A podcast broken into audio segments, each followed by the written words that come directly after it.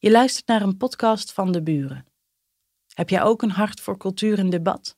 Bezoek ons dan in Brussel of bij een van onze partners in Vlaanderen en Nederland. Ontdek ons programma op www.deburen.eu. Uh, goedenavond, dames en heren. Welkom bij De Buren. En welkom bij deze vijfde aflevering van Made in Europe bij De Buren in samenwerking met Canvas en VPRO, zoals de afgelopen week het geval was. Um, acht weken lang zenden VPRO en Canvas op zondagavond een aflevering uit van de documentaire reeks Made in Europe. In die reeks gaat Dimitri Verhulst op zoek naar het culturele DNA van Europa. Hij doet het elke week aan de hand van een ander thema, bijvoorbeeld rebellie, religie of de vrije vrouw. Bij de buren organiseren we gedurende die acht weken elke dinsdagavond een programma naar aanleiding van het, uh, de documentaire die die zondag te zien is geweest op Canvas. En we hangen het programma telkens op aan een van de vier iconen die in die aflevering besproken wordt. Afgelopen zondag was het thema de donkere kant. Ik hoop dat jullie het allemaal gezien hebben. En het icoon dat wij eruit hebben gepikt is de filmklassieker Metropolis. Ik loop eventjes kort door hoe de avond uh, in zijn werk zal gaan, dat u een uh, idee heeft. En dan uh, gaan we Is Brussel een hedendaags metropolis? Vanavond onderzoeken we de dystopische kant van de Europese hoofdstad. Straks hoort u Pascal Verbeke. Hij zal spreken over de verloren utopie van de Noordwijk.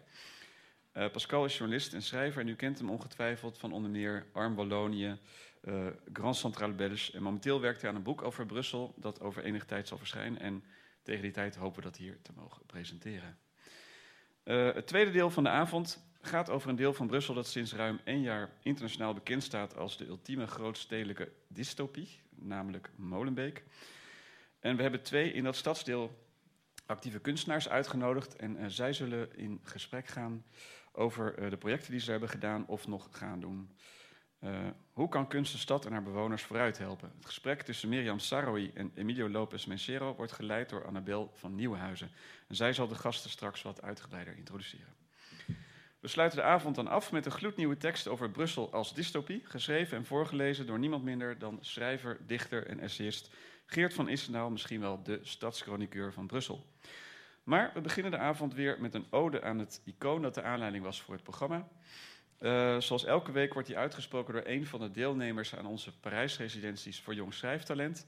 Uh, vanavond is dat Gert-Jan Willems. Hij zal een ode brengen aan Metropolis en ik geef hem nu graag het woord. Ik wens u al een fijne avond.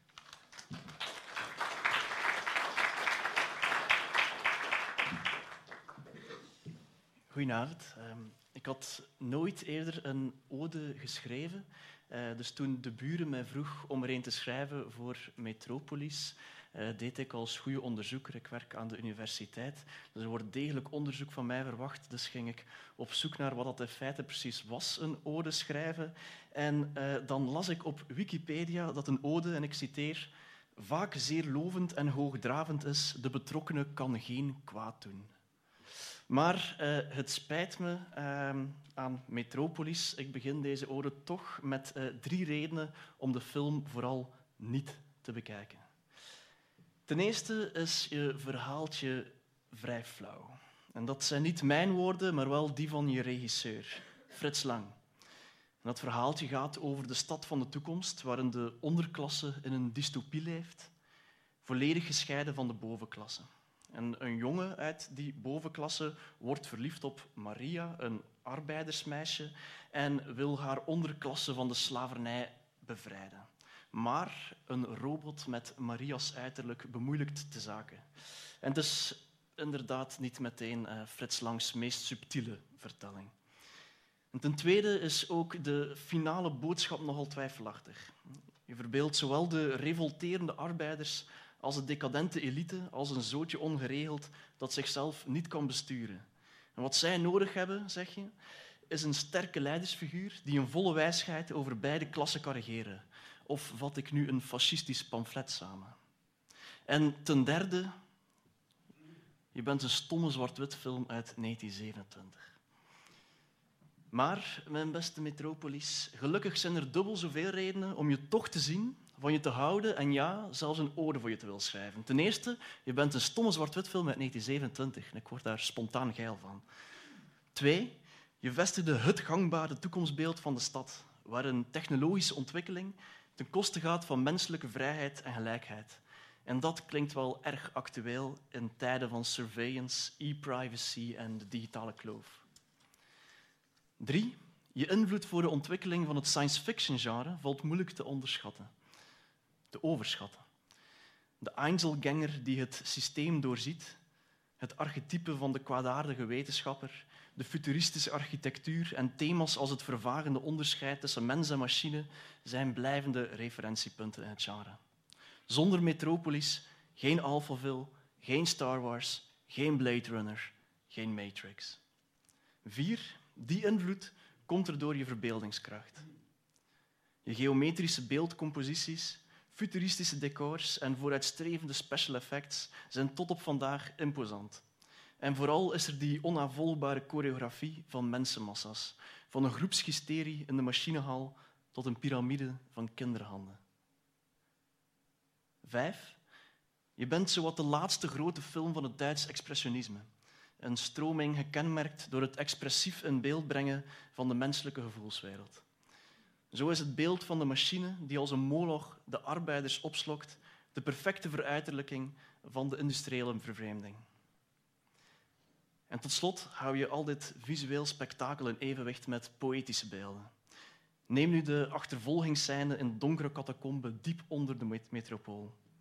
Maria's achtervolger krijgen we nauwelijks te zien, wel de lichtbundel van de lantaarn waarmee hij achter haar aanzet.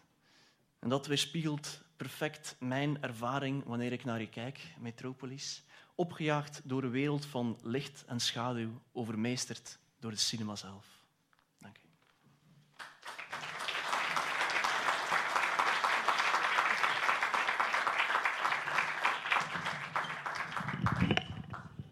Uh, goedenavond iedereen. Uh, ik ben Pascal Verbeken. Ik zal het twintig minuutjes hebben over een Brussels metropolis, de Noordwijk, in die zin dat de Noordwijk, net als metropolis, een utopie en een dystopie uh, tegelijk is. Het is het Brusselse Oosterdonk. Het is een wijk die van de kaart geveegd is uh, eind jaren 60, in de jaren 70, jaren 80. Dus de sloop uh, heeft of is 35 jaar lang doorgegaan. En als je vandaag door de wijk loopt, lijkt het alsof ze nog altijd uh, bezig zijn. Uh, het is een triest verhaal, dat zeer zeker. En het is me enige schroom ook dat ik het u hier zelf als Gentenaar en niet Brusselaar voorstel. Want hier in de zaal zitten een viertal mensen die daar gewoond hebben, die het allemaal ondergaan hebben. En eigenlijk komt het hen in de eerste plaats toe om hier te staan en niet ik. Ik zal hen vanavond ook uh, aan het woord laten. Uh, ik vind het merkwaardig dat bijvoorbeeld rond Marcinel 1956 dat er allerlei festiviteiten rond geweest zijn, of herdenkingen uh, in elk geval. daarvoor is men zelfs vanuit Italië naar België gekomen. de sloop van de Noordwijk is geruisloos gepasseerd. En het simpele feit dat het daar gaat over 12.000 uh, eenvoudige mensen die uit hun huizen gejaagd zijn over een periode van bijna 40 jaar, zal daar wellicht niet uh, vreemd aan zijn. Ik neem aan dat de meesten onder jullie uit het Brusselse, of toch op zijn minst uit, uit Vlaams-Brabant, afkomstig zijn. Dan weet je wel ongeveer waar de Noordwijk ligt. Hè. Dat is, zijn die wijk vaag met al die hoge gebouwen bekeken vanuit, vanuit het standpunt van, van de binnenring. Iets preciezer kan je zeggen dat het een enclave is. Een soort eiland in de stad, begrensd door aan de ene kant de spoorlijn en nog een stukje Mazoui-buurt, eigenlijk nog een stuk oude Noordwijk die nog altijd overeind staat en aan de sloop ontsnapt is. Uh, een andere grens is het kanaal, met dan ook het vergoten dok. En een derde grens is de binnenring. Het stuk ter, tussen Rogierplein, zeg maar, en ja, kanaal. Alles wat daar links ligt, komende van Koekelberg uh, is, is de Noordwijk. Het is een wijk geweest met, die altijd een heel sterke identiteit gehad heeft voor de afbraak. sterke identiteit in die zin dat een typisch Brusselse volkswijk was, die denderde op het ritme van aan de ene kant de spoorwegen die er vlakbij lagen, ook het station van de Groendreef, waar ooit de eerste trein op het Europese continent vertrokken is, ligt er vlakbij. Dan heb je het Noordstation, dat vroeger op het Rogierplein stond voor het verplaatst is. Maar ook voor een soort dynamiek zorgde, van mensen die vanuit de provincie, de hoofdstad, uh, binnenkwamen. En dan was er ook heel veel overslag van schepen langs het kanaal. Hè. Dus het was eigenlijk wel een, bruisende, uh, denderende buurt met als slagader de Antwerpse Steenweg. een klein stukje Parijs in Brussel, een lange lint van luifels, cafés, hotels, Hotel de Paris. maar ook in die tijd al um, in de wijk, dan niet specifiek op de Antwerpse Steenweg, maar op, in die wijk bordelen. Ik zal eens vragen aan Christian Holsbeeks, die hier vanavond bij ons is en in de wijk woonde, in, aan de Antwerpse Steenweg. Uh, wat voor een buurt dat precies was. Heel kort, uh, Christian. Ja, ik ben dus uh, geboren in de wijk. Ik heb, ben er opgegroeid. Ik heb er scholen gelopen. Ik heb er les gegeven. En ik woon er nog altijd. Dus de wijk was eigenlijk, ja, zoals Pascal zei, de centrale laan was dus de Antwerpse Steenweg, van de Troost tot aan de Kleine Ring. En ieder benedenverdieping van ieder huis was eigenlijk een, een handel. Zeer divers, kruidenier, beenhouwer, bakker, maar ook kledingzaken, kinderkleding, snoepwinkel, likeurwinkel enzovoort. En de bovenverdiepingen over het algemeen waren ingenomen door veel inwijkelingen vanuit Vlaanderen die dus naar, naar Brussel gekomen waren om de broden en die dus daar werk gevonden hadden in kleine bedrijfjes die er ook waren in de buurt. En uh, de anderen gingen dan buiten de wijk ergens werken. Maar het was dus een zeer volkse wijk. En vooral de cafés niet vergeten. Er waren er een zeventigtal op de Antwerpse Steenweg. Ja, bedankt Christian. Uh, ja, bruisende wijk. Er is een, eh, een, dikke streep ondergetrokken met het uh, Manhattan-plan dat eigenlijk al aangekondigd werd um, ja, lang jaren voor 1967, toen echt de sloop begonnen is. Maar ik denk begin jaren 60, misschien zelfs eind jaren 50, uh, praatte men al over het uh, Manhattan-plan. Een visionair plan, nu moet ik eventjes een van de breinen van het Manhattan-plan laten zien. Hier is hij, Paul van den Boeinans. Destijds uh, premier eind jaren uh, eh, 60. En samen met zijn compaan uh, Charlie de Pauw, die rijk geworden was met de verkoop van brandblussers. en ook een heel imperium van par parkings in Brussel had. immobiliën ook. Hè. Samen hebben zij een, een plan naar voren geschoven dat uh, van die Noordwijk, die gezien werd als een sloppenwijk, wat trouwens helemaal niet, uh, niet het geval was, om daar een internationaal zakencentrum van te maken, het World Trade um, Center, waar zakenmannen uit de vier windstreken uh, ja, business zouden komen doen. Um, er moesten ongeveer 80 wolkenkrabbers verrijzen, dus op die op, op de plek waar de, de oude Noordwijk uh, stond.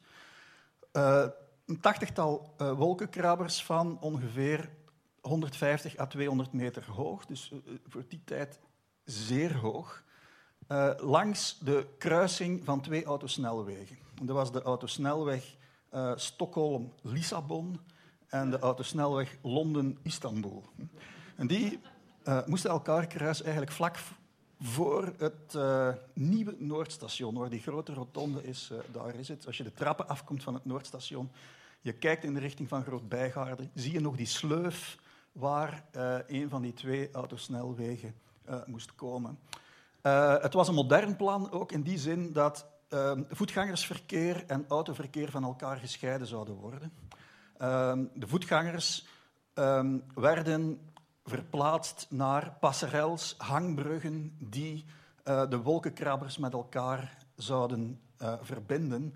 En nog altijd kan je bij een aantal uh, van die torengebouwen in de Noordwijk, zoals de WTC-torens, die sokkels zien waarop die passerels moesten gebouwd worden. Dus ja, het was een, een, een heel hooggegrepen plan, een, een utopisch plan dat de toekomst, met hoofdletter T, zou laten landen in uh, Brussel. Uh, het hing ook allemaal een beetje in de lucht. Hè. Het was uh, niet toevallig, was Van den Boeinans um, had hij in de raad van bestuur gezeten van Expo 58, wat ook al een soort utopisch gegeven was. het was de tijd van John Ford Kennedy en zijn New Frontier. alles wordt nieuw. het was ook de tijd van de ongebreidelde vooruitgang die alles opzij duwde. Het is niet toevallig ook in die periode dat de Antwerpse uh, havendorpen met de grond gelijk gemaakt zijn. Wilmarsdonk, Oorderden, uh, Oosterweel ook. Hè. In het begin van mijn praatje heb ik gezegd dat het ja, Noordwijk een soort Oosterdonk is. Dat is het inderdaad, maar dan maal vijf, hè, omdat het hier gaat over uh, eh, 12.000 mensen die hun huizen zijn uitgejaagd. Um, van al die utopische plannen is uiteindelijk bitter weinig in huis gekomen. Als je er nu in de Noordwijk rondloopt, dan heb je aan de ene kant ja, een kantoor, kantorenzone, zeg maar. Ik heb, ik heb het uh, onlangs in, uh, in, een stukje dat ik erover geschreven heb uh, beschreven als een soort themapark van middelmatige postmoderne architectuur. En dat is het ook. Zelfs overdag, wanneer de pendelaars er rondlopen, lijkt het alsof alle leven uit die Noordwijk weggezogen is langs die Albert II-laan. Ik zal er meteen uh, een paar foto's van laten zien. Ja, dat is nog het oude uh, Rogier, uh, Noordstation op het Rogierplein. Fantastisch beeld met die, die trams hier rechts. Noordwijk ligt links voor alle duidelijkheid. Dit is hier een beeld van de Noordwijk eind jaren 80. En hier zie je heel goed dat dus de sloop nog, nog lang is doorgegaan na 1967. Dat zijn huisblokken die ook nog allemaal moesten uh, verdwijnen. Ja, hier is er al meer tegen de grond gegooid. Dit is richting Schaarbeek. Voilà. En dat is dan uh, wat er in de plaats gekomen is van die uh, oude volksbuurt. Dit is een interieurbeeld van de WTC-toren. Het lijkt een beetje een Russisch hotel uit de jaren 60 of 70. Um, dat is een soort teletijdmachine. Hè. Je moet er zeker eens binnenlopen. Uh, mensen die regelmatig in Brussel zijn. WTC1, je kan er gewoon binnen en buiten. Uh, neem eens de lift naar verdieping 25. Dat is de enige die nog uh, in bedrijf is. En daar heb je ook een fantastisch uitzicht over, over de stad. Het is een soort ja, trip in de tijd. Plastic planten die het lijkt ook alsof het er altijd schemert in die, in die WTC. Het is heel, heel vreemd. Het is heel doods ook. Ja, dat is een beeld uh, gemaakt van, uh, van op die 25e verdieping, richting Albert Tweelaan en uh, Brussel Centrum, met het Justitiepaleis aan de horizon. Dat zijn hier de sociale woonblokken die voorzien waren voor de mensen die uit hun huizen gedreven waren. Veel te weinig ook allemaal, daar zal ik het direct nog wel over hebben. En dan hier, dat is echt de tristesse van de, van de Noordwijk nu. Foto's van Jimmy Katz trouwens. Albert Eenlaan, plomp verloren afzettingen in beton. Dat is de harmonie, dat is nog het oude kloppende hart van, uh, van de wijk, waar de laatste mensen van de Noordwijk uh, elkaar nog komen uh, komen opzoeken. En er is een, uh, een werking uh, elke dag, nog altijd. En de, de priester van, van Sint-Rochus, van, van, de, van de Noordwijk, zei mij... Um, mocht dat er niet zijn, ja, dan, dan zouden die mensen snel dood zijn. Want is, wat daar gebeurd is, is verschrikkelijk geweest. Die uitzettingen zijn gebeurd op de meest brutale, brutaal denkbare manier. Elektriciteit werd afgesloten, water uh, werd afgesloten. Met bekwame spoed werd iedereen uit zijn uh, huis geduwd. Uh, voorstellen voor onteigening stelden totaal niets voor. het was één grote improvisatieoefening eigenlijk, die heel veel mensenlevens gekost heeft. Ik heb met een verpleegster gesproken die in Brugman werkte toen, eind jaren 60 en in de in de jaren 70, die zei dat er een, uh, een, een, een, echte boom was van, van depressiegevallen in die tijd. uitgerekend van mensen uit de Noordwijk, die uit hun huis gedreven waren, waar niks voor voorzien was. Uh, in het beste geval uh, een piepklein sociaal appartementje, dat ze daar een poêlerie noemden, een, kieke, een kiekekot. Of die mensen die raakten verspreid eigenlijk een beetje over heel België, één naar Luik, één naar, naar Oostende.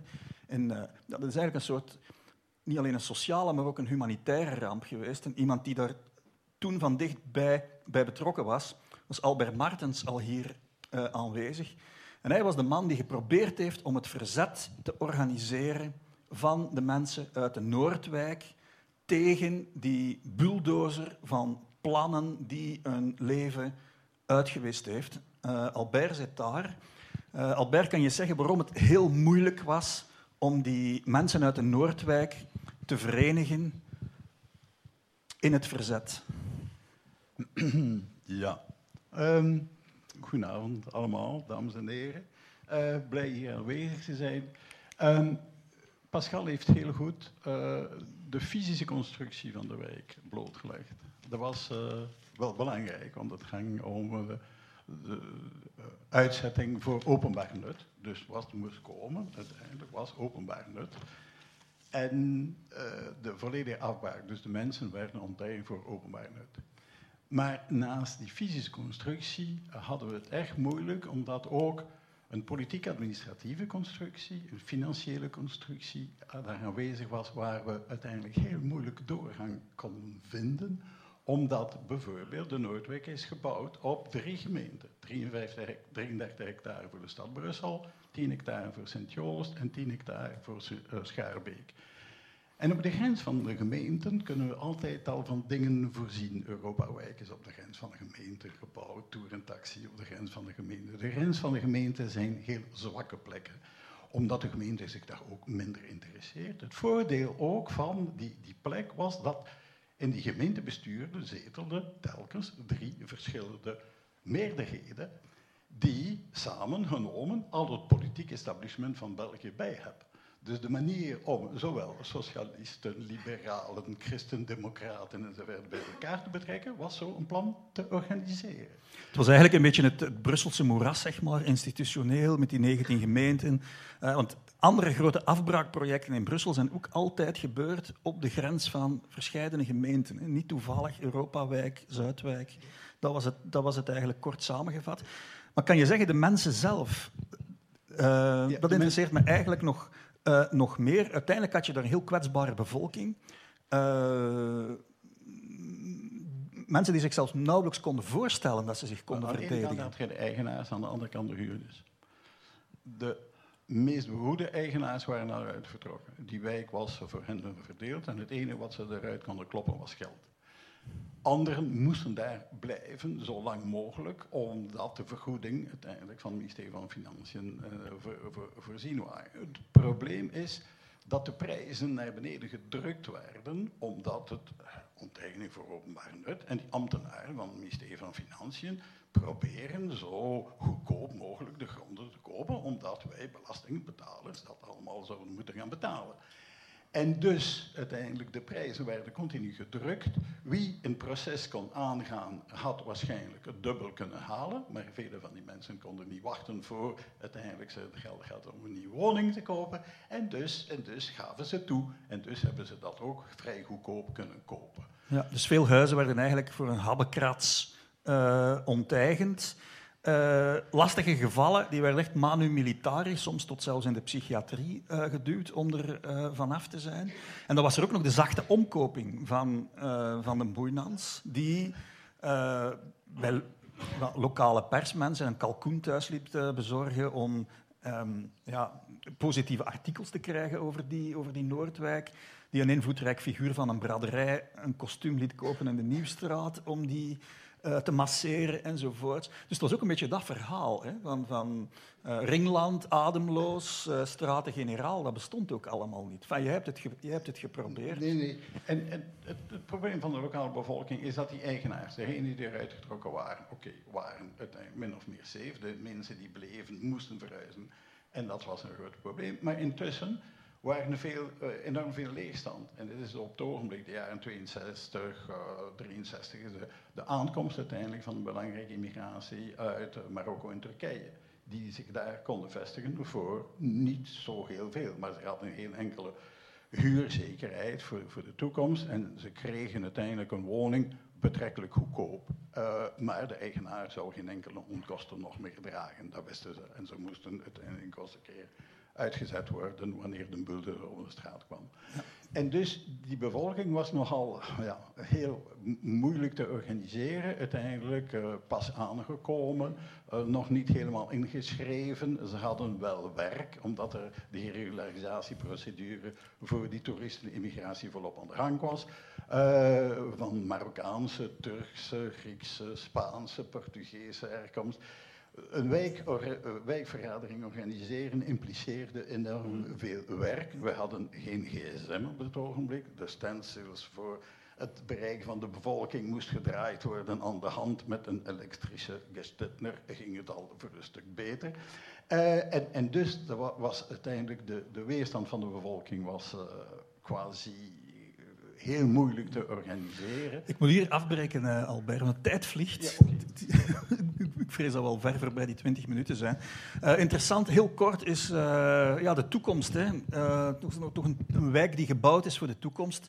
De ironie is dat heel veel van die torengebouwen, zeker die van de Vlaamse gemeenschap, Ferraris en zo meer, heel binnenkort weer leeg zullen staan en dat er alweer geen plan voor is. Hè. Dus uh, langs die Albert II-laan dreigt tegen 2020, 2025 een zeer grote leegstand.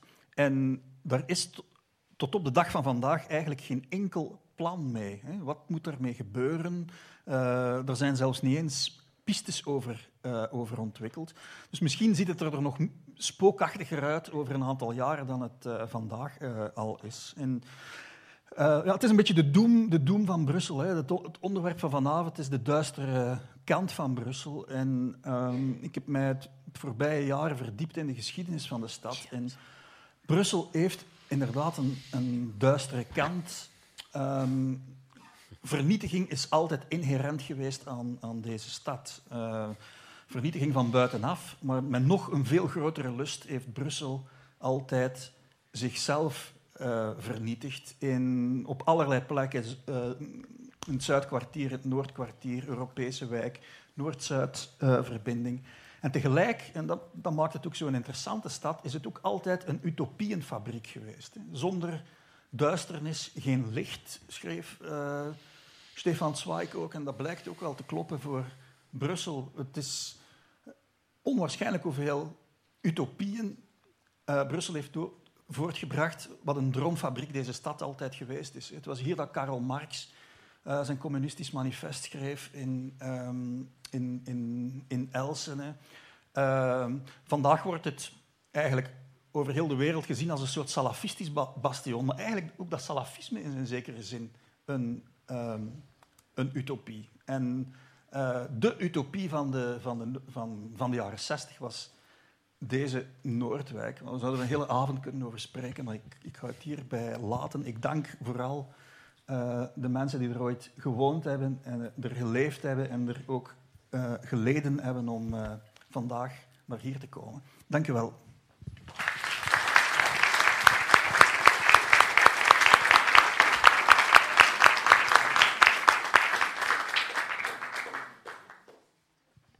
Dank je wel. Ik ben blij dat je zo'n warm applaus hebt gekregen voor de donkere verhalen die je verteld hebt. Ik weet niet of ik het als een compliment moet zien. Goedenavond, mijn naam is uh, Annabel. Ik weet niet of ik het uh, een compliment moet vinden dat men mij heeft gevraagd om hier vanavond de duistere en de donkere kant van Brussel uh, te vertellen. Mijn alter ego is absoluut niet duister en donker, maar ik ga toch mijn best doen. Ik heb ook mensen die mij gaan helpen in de depressie rond Brussel en uh, de tristesse van Brussel. We gaan, je hebt het begrepen, toch ook een beetje de menselijke kant proberen te lichten, omdat we niet anders kunnen. Ik hoop dat u mij dat niet kwalijk neemt. Mensen zijn hier al bij mij komen zitten. Mirjam, Mirjam Sarawi, goedenavond. Goedenavond. Blij dat je erbij bent. Emilio Lopez Menchero. Ja. Uh, twee kunstenaars, mag ik zeggen, maar ze doen veel meer dan dat. Misschien moeten we heel eventjes um, een beetje achtergrond uh, meegeven, behalve dan de kunstwerken, want daar zullen we sowieso wel uh, terechtkomen. Om de eenvoudige reden dat wij hier vanavond willen kijken hoe kunst een invloed kan hebben op die stedelijkheid, hoe kunst een invloed kan hebben op die of die utopie in gang steken of die dystopie, want dat is dus een woord dat ik bij deze gelegenheid heb bijgeleerd. Dat is dus de negatieve utopie.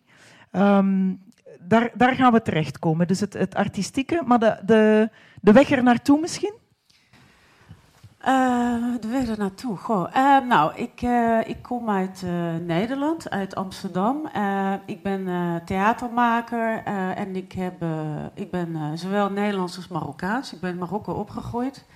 En op mijn vijftiende kwam ik in Nederland.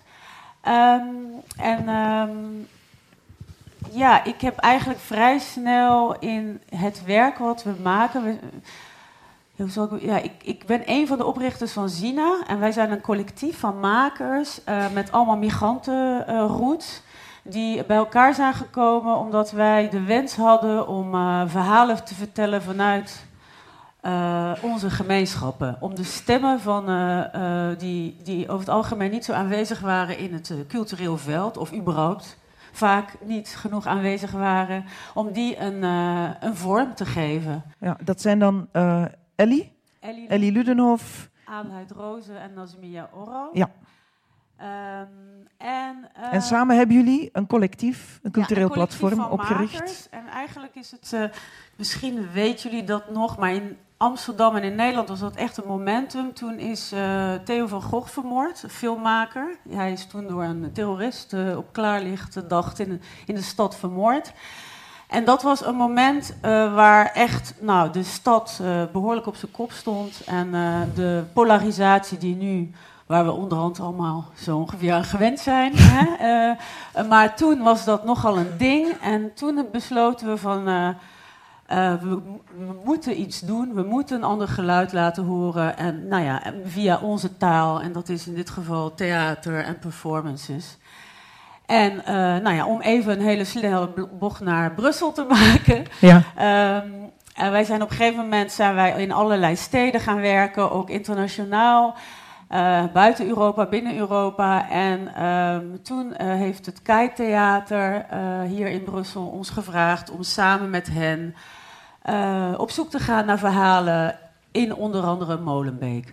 Diezelfde oefening dan, die, ja. ook, die ook met die polarisatie te maken heeft. Nou ja, om de verhalen van de niet gehoorden te laten horen en te laten zien. En ook de mensen daarin te laten participeren. Uh -huh. Zodat de mensen niet alleen maar als materiaal, maar ook als uh, participant en als. ja, zelfs performer zou je kunnen zeggen. -huh. Hier de beautyverhalen salon, het beautyverhalen salon. Brussel, Amsterdam. Amsterdam, omdat je daar begonnen was met die, die, groep, hè? Zina heet die. Ja. Nou, omdat, en, uh, ja, omdat het project de Beauty Verhalen Salon, uh, die wij dus hier in Molenbeek hebben gedaan, omdat die, die bestond al, dat was een bestaande vorm. En die hebben we eigenlijk hier naartoe getransporteerd. Dat is het gemeenteplein. Ja, ja, dus het zijn allemaal beelden van de performance. Dit was trouwens tijdens het CIFAS uh, of Signaal Festival van CIFAS. Dus we hebben ook zowel, zowel aan, aan, de Vlaamse kant gewerkt als aan de Franstalige kant. Dat was ook heel interessant om dat, dat ding hier te ontdekken. Ja.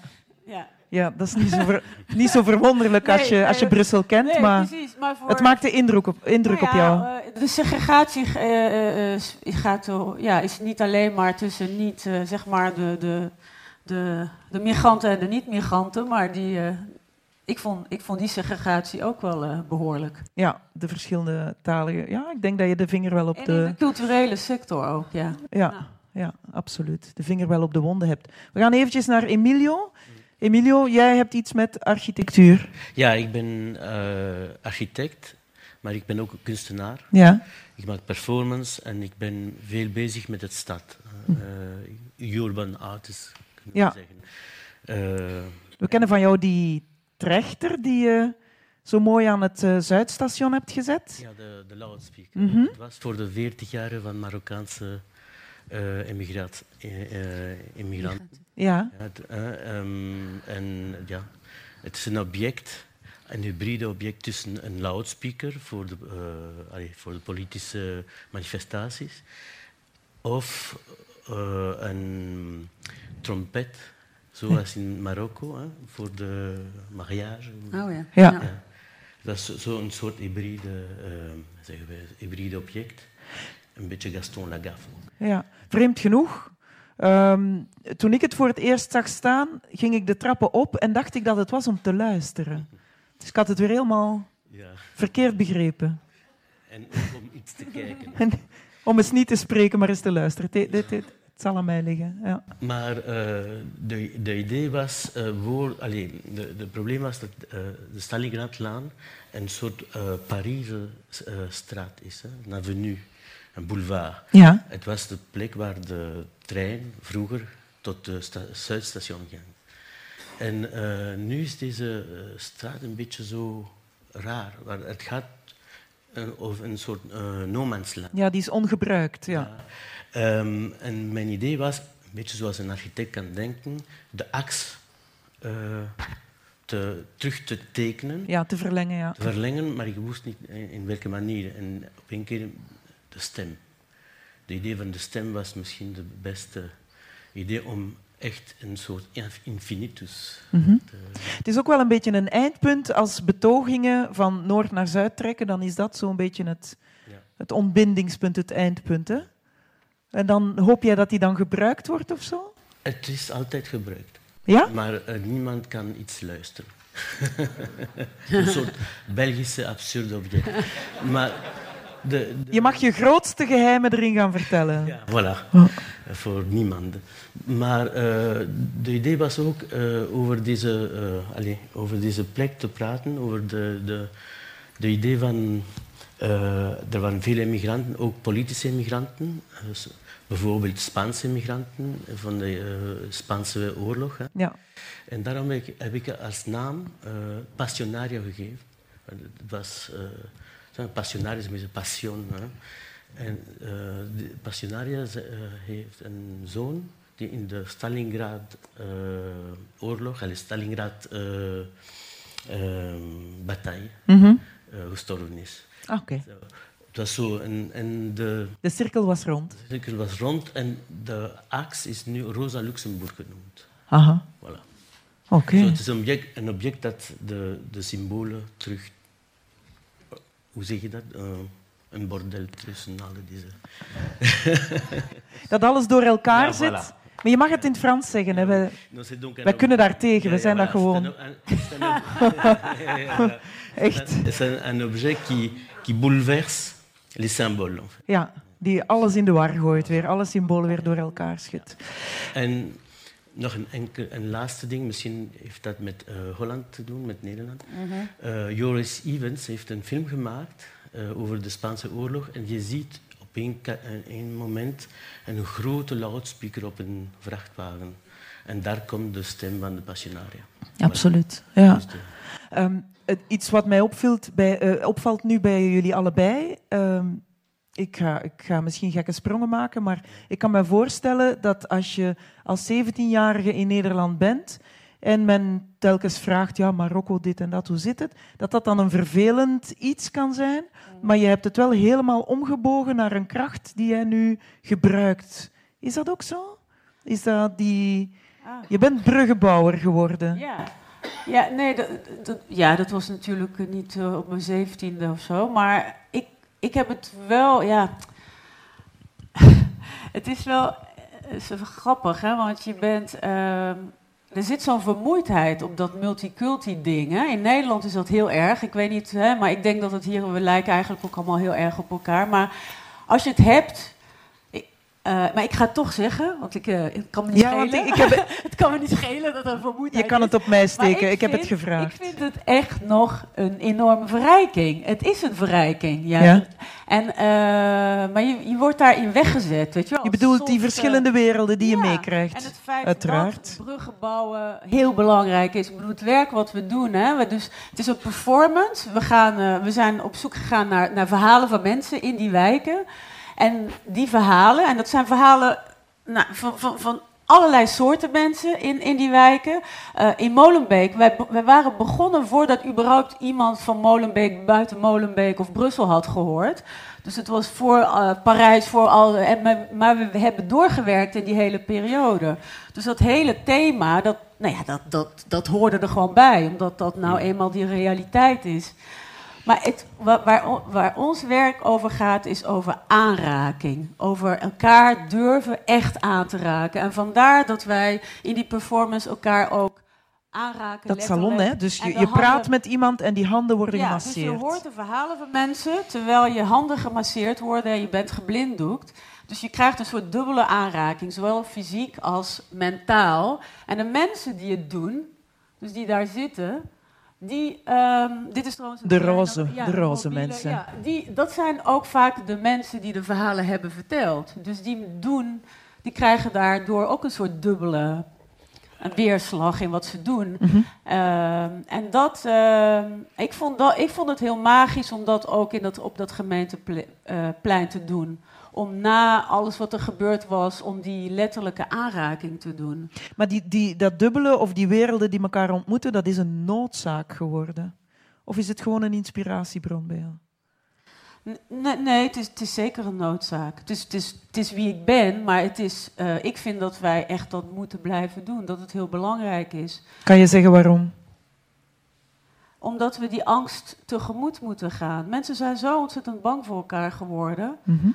Uh, dit, eh, eh, eh, kijk, ik bedoel, als wij werken, ja, letterlijk, je gaat gewoon naar mensen toe. Je, bij spreken bel je bij mensen aan, weet je wel. Je gaat echt, die, je, je, duikt de intimiteit van mensen in. Maar er zijn heel veel mensen die dat doodeng vinden, om echt de intimiteit van een ander tegemoet te gaan. En ik vind dat wij dat, dat we dat moeten blijven doen, dat we daar moedig in moeten blijven. Mm. Uh, maar ik vind het ook soms doodeng als ik iets niet ken. Maar ik denk altijd van dat het mooi, ja, dat het goed is om dat gewoon uit te spreken en te zeggen van ja luister, ik vind dit ook moeilijk of ik, vind het, ik ben ook nerveus. Of... Ja, dus kunstenaar, maar toch alleszins maatschappelijk geëngageerd. Ja, ja, ja, ik, ja. En dat vind ik prima om, zo uit te spreken. Ik bedoel, ik, uh, ik heb er geen enkele moeite mee. Nee, ik ook nee. niet. Nee. Maar het, moet, het, het moet, het is een must.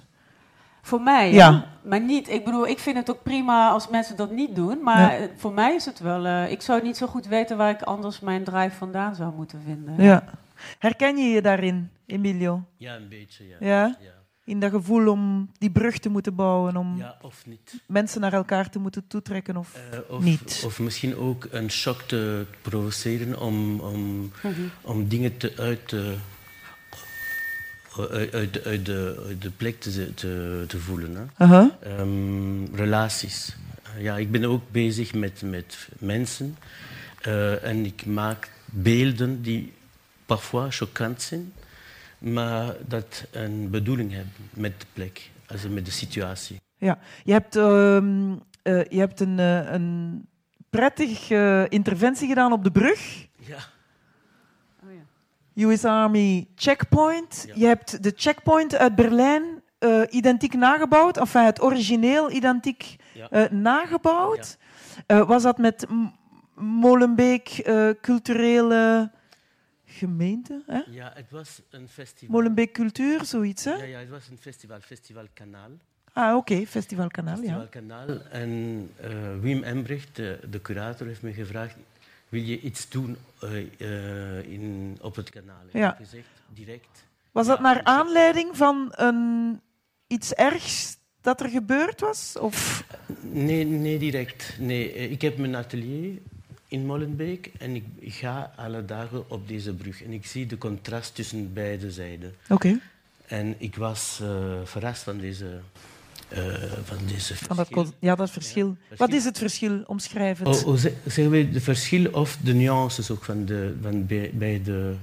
Kan je het omschrijven? Want ja, ik denk dat elke persoon dat anders ziet. Uh, de Antoine Dansard-straat, mm. het begin van de beurs. Uh, het zijn alle deze modedesign-winkels. en dan wat, ook kunstgalerijen.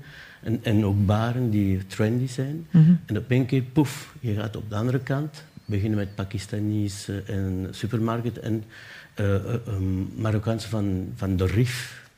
Ja, uh, en, en, en totaal een andere atmosfeer. Een andere bevolking gewoon. Een andere bevolking. Mm -hmm. uh, het was altijd zo.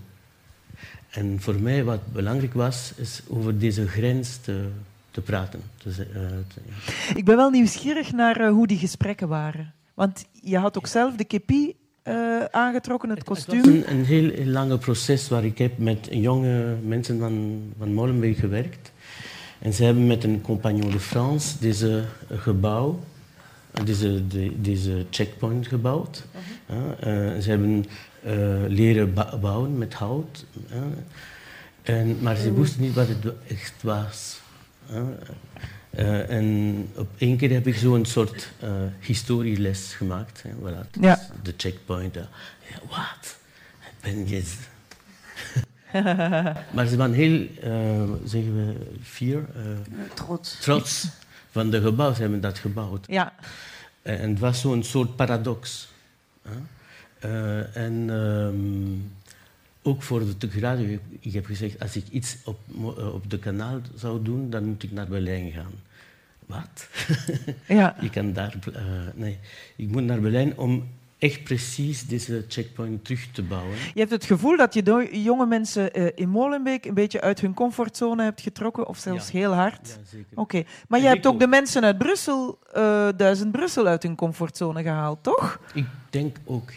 In, in, waar, alle waren bezig. Het was drie dagen. Hè? Ja. En, en het was een vrijdag, zaterdag en een, een zondag. En uh, de twee eerste dagen waren perfect zoals in Berlijn, uh, met, met een traffic jam. Ja. Alle auto's. Ja, alles zat vast. Ja. Gestopt. en ik heb niet papieren gevraagd, ik heb papieren gegeven. Ik heb van, van het festival. Ja.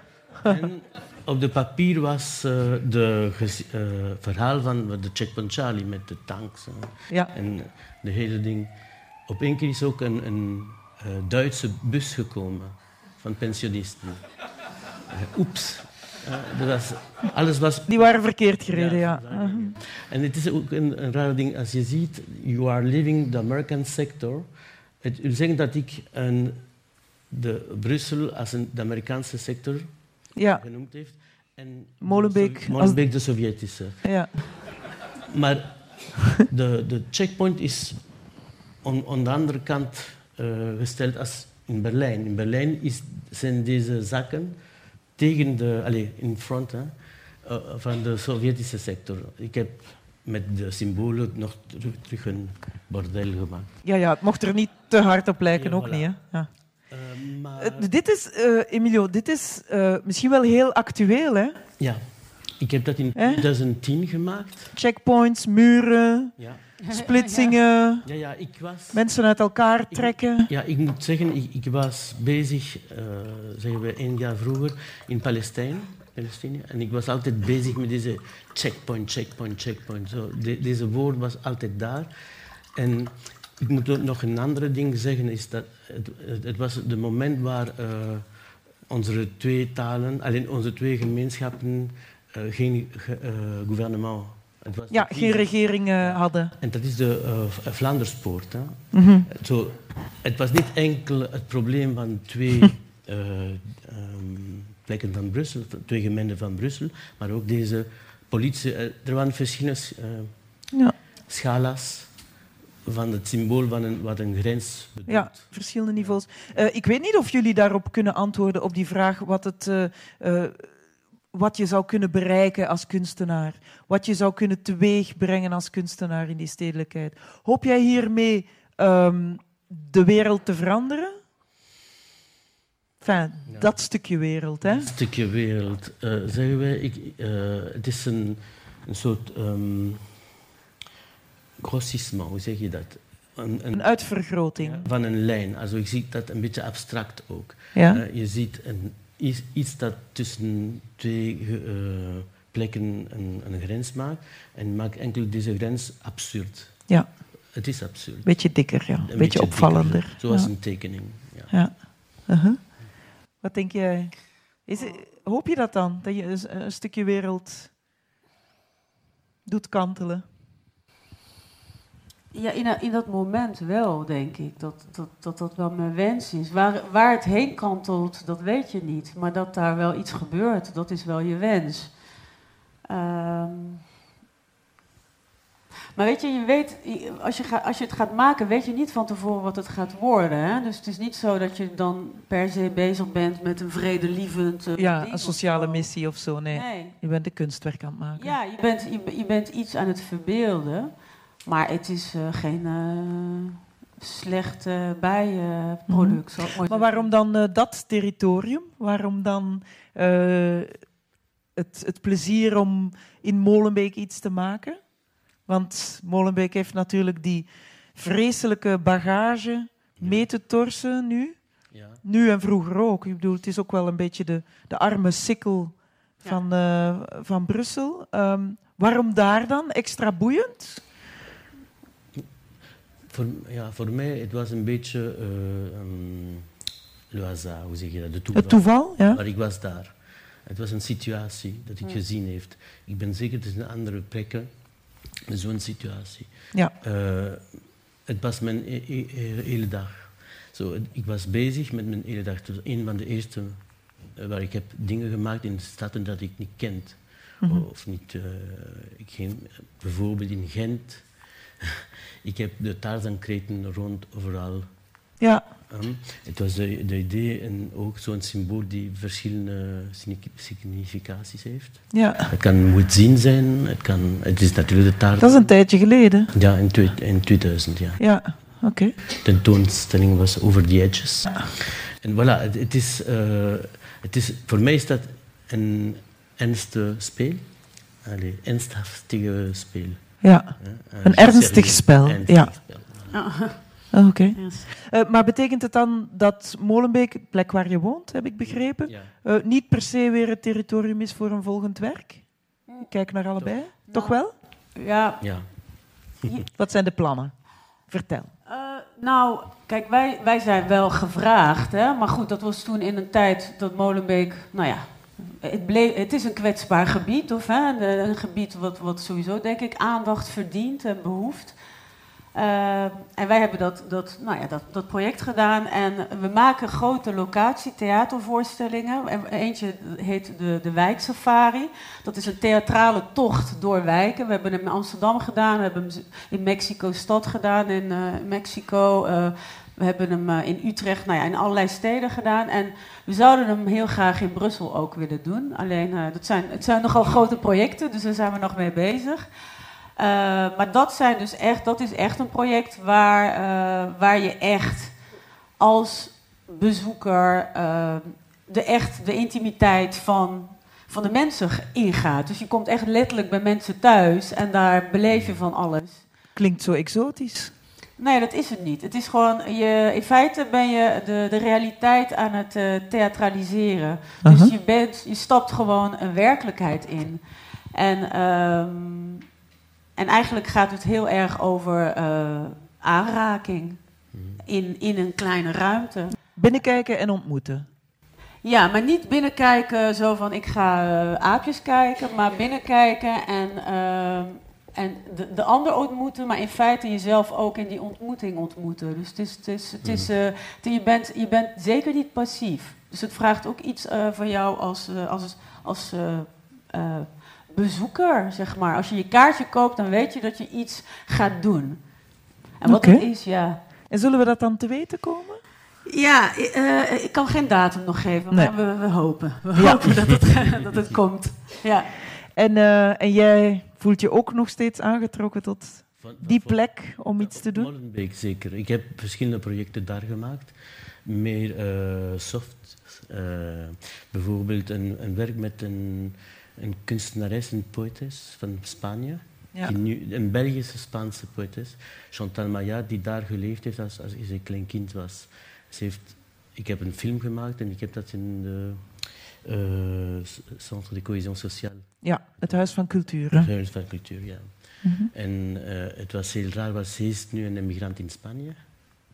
En ze is ook een, een Spaanse poëtes, maar ze is Belg en ze is van van Molenbeek. En ze, en ze was daar sinds 30 of 40 jaar niet meer daar geweest. En ik heb de eerste moment gefilmd waar ze terug zijn plek ziet. Ja, en het, het was bijvoorbeeld het huis van, van zijn moeder, van mhm. hun moeder. Uh, uh, het is nu een hammam. ja. En de cinema waar ze was, is uh, nu een meubelstore. En, en, ze is altijd zo verrast. Ah, kijk, dat, dat, was iets. En, en, ze heeft altijd een verhaal over uh, alle plekken. Ja, die wereld is enorm veranderd. Van Molenbeek is enorm veranderd uh, over de laatste 50 jaar. Dat, zoveel is duidelijk. Er stonden belangen nog niet zoveel huizen, uh, zoveel jaar geleden. Mm -hmm, mm -hmm. Oké. Okay. Ik wil jullie hartelijk bedanken voor dit gesprek. Alsjeblieft.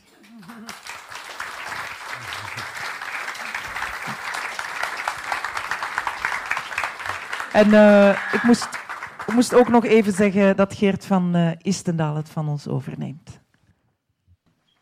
Goedenavond. Goedenavond, Albert Martens, bien étonné. Al die sociologen over elkaar. Um, uh, een dystopie, meen ik begrepen te hebben, is iets sombers voor de toekomst. Huh? Zoals een utopie, iets uh, glanzends, maar voor mij zeer angstaanjagends is voor de toekomst. Wel, de dystopie Brussel is nu.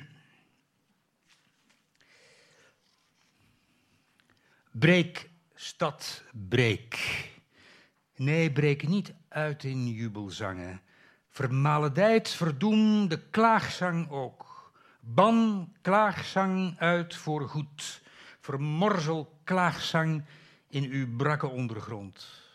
Breek, stad. Breek uit in vloeken zwart als onweersluchten. Laat godslasteringen donderen tegen de brokkelige wallen van uw straten op. Laat schennis neerstorten op al uw trotse torens. De straten, de straten, de dodende straten, hun ogen kijken ons aan, waar wij ook lopen, waar wij ook gaan. Waar ik ook ben nu, ik kijk je aan. Ik, Juri, de verschoppeling, weggeschopt in de lente, mijn beurs gebonkte, gezwollen, zwarte, blauwe ogen, kijk je aan. Kraak, stad, kraak, in al uw nameloze voegen. Klets neer de zure regen van uw imprecaties. In honderdduizend striemen van uw honderdduizend aangespoelde talen. Laat al uw allerhoogste wolken inktzwart als het vergif waarmee de dichters schrijven. Laat al uw volgestouwde wolken breken. Laat wegrukken uw blauwe klontersteen, onkennelijk versleten en vermorzeld. Jij, Fiona, teloor gelopen in Brussel, veel te jonge fee, die danste en minde in Brusselse straten. Waar ben je heen? Wij horen uit Keltische schemer een harp en een stem, jouw stem die ons groet in de verte. Breek, Brussel, breek, breek nu de ruggen van uw makke machtswellustelingen. Breek, breek de kromme poten van hun gouden zetels. En tot de heupen in de slijkstroom van uw puin zullen wij waggelend op stenen benen waden naar steden achter bliksems aan de kimmen, tastend naar, tevergeefs tastend naar de flarden van een ruw verminkte droom. Waar ik ook ben nu, ik keer terug naar de stoep, zegt Michel de sloeber, ineengezakt aan het eind van de winter, naar de stoep waar het einde mij wacht. Breek, Brussel, breek, ruk stukken uit uw hel, Laat één groot vuur uitbreken. Rook al het vuns in al uw krochten uit. Het zilver van de as, uw oorlogsbruid. Mijn stad. Mijn afbraak, neerbraak, braaksel. Breek op uw straten, lanen, tunnels, voetgangersgebieden. Rijd open, kots eruit. Laat heel de wereld zien de naakte schande van uw magerte. Laat Tussen uw verkoolde resten, verwaaid besmeurd papier, gebarsten schermen, hondenstront, bierblikjes, bedelaars, gescheurde zakken uit de supermarkten. Laat in dit koninkrijk van uw vernederingen een grasgroen struikgewas de kop opsteken. Verweest, verward als al uw kleine zielen, doornig als wrok en gele nijd en toorn. Laat op dat groen robijnrood bloemen schieten, prachtig als het schuimen van gedachten die jonge meisjes ruiken voor het slapen gaan. Scharlaken, jadegroen, de bleke wortels hun sappen slurpend uit uw vuilnisbelten. Breek, Brussel, breek uw water uit de grond, breek al uw water los uit graf van stank, al uw verborgen, weggemoffeld water, onder uw diepste kelder, laagst verlies, uw water, schaamte, smaad, verstoting, drek. Breek uit vergeetput water, overspoel heel het vijandig huis dat Brussel heet. Vloei uit, zo'n slurpend oppervlaktewater in vaarten, vijvers, plassen en fonteinen. Breek het geheugen open van de stad. Verbannen en vergeten water, breek. Laat al uw zwerfvuil zien aan al uw dalen, uw dalen. Achter ijzeren kerkerdeuren, uw dalen treurend als gebroken zerken. Dal van de Ransvoort, waar de vijvers zwart zijn. Dal van de Maalbeek, waar de hersens hard zijn. Door Maalbeeks ondergrond is bloed gevloeid. Een infernaal mirakel barstte open. Hoor Beelzebub, hoor Lucifer, hoor Satan. Hoor hoe zij schateren bij kadaver Brussel. Wie op de paal van zijn geloof klimt, weet dat elke andere god ondenkbaar is. Of Satan heet. Hij lacht, want het is goed. Hij ziet de beekvallei vol heidens bloed. Waar ik ben nu, ik kijk je aan, zegt zwerver Filip. In de afgrond gekanteld, de metro vertrekt, mensen staan op het perron, ik verdwijn. Door het raam van de trein kijk ik je aan nog even. Dwaalster Mohammed, jij viel en jij viel, jij moest vallen, jij wilde vallen, jij viel voor altijd, tot dicht bij je kind, het miste je zo. Maar je viel op straat en de straten zijn hard hier in Brussel. In de vallei waar ooit de Ransvoort vloeide, waar werkers ernst tot bronzen helden goten, smeet heet geloof nu wapens van de haat. Geduld als zand wacht op het grote sterven, de doodsreutel van de ongelovigen. Jij, Lubna, jij bent niet ongelovig. Jij bent een mooie jonge vrouw. Ik ben een oude man. Jij, moeder van drie kinderen. Ik, opa, kleinkinderen, drie. Jij bent de kampioene van de gymnastiek. Hup, 1, 2, 3, hup, 1, 2, 3. Ik schrijf wat, speel het liefst oude muziek. Jij bent, jij was, was, was. Jij was, verdomme, was. Een dag als duizend anderen. Ik neem de metro als altijd, Merode, Schumann, Maalbeek enzovoort. Stap in de trein, drie steden verder stap ik uit. De zon van maart schijnt in de lucht de lente. Diezelfde dag, een dag als duizend anderen, neem jij de metro als altijd. Jij rijdt naar Maalbeek enzovoort. Diezelfde dag nam jij dezelfde lijn als ik, vijftien minuten later. Ons scheiden één kwartier. En nu jij, jonge moeder, mooie vrouw, jij was. Ik, oude man, ik ben. Ons scheidt de eeuwigheid. Dat is het grote kwaad. Ik bel mijn kleinzoon, hij is jarig, elf. Jouw kinderen vragen, waar blijft mama, papa? Dat is in deze stad het grote kwaad. De deuren van de hel staan open, het kwaad verscheurt de ondergrond, het kwaad dat nooit meer overgaat. Jij bent er niet. Het hellegat gaapt in mijn stad, want jij, jij bent er niet. Jij jonge moeder, mooie vrouw, jij lerares, jij wist niet wie ik ben, ik wist niet wie jij was. Maar samen waren wij, jij Brusseles, ik Brusselaar, met meer dan één miljoen, het volk van deze stad. De muren hebben schurft, de talen spuwen gal, maar dit is onze stad. Haar straten, pleinen, huizen, scholen, winkels, metrolijnen. Moeders van Brussel, vaders hier en kinderen. Ja, vooral jullie kinderen, die lachen, spelen, huilen, niet begrijpen, zoals wij allen graven naar begrijpen, vergeet in razernij en angst en groot verdriet, vergeet haar niet, vergeet toch Lubna niet.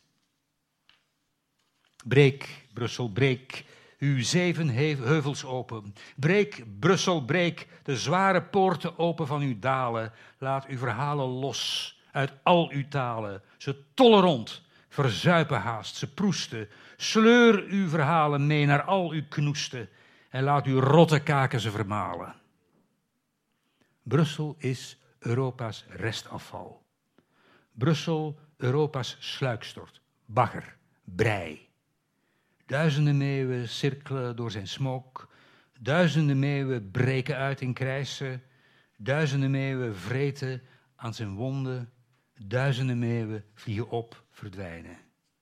Wie, Brussel, wie heeft al uw wonden ooit verbonden?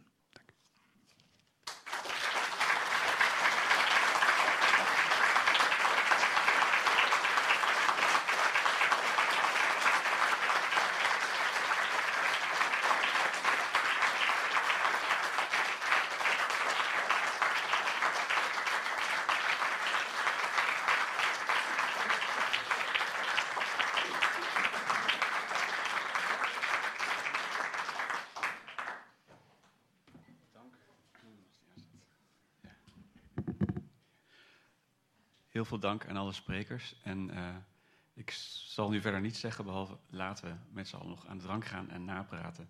En ik wens u allemaal een fijne avond. Tot de volgende keer bij de buren graag. Dank iedereen.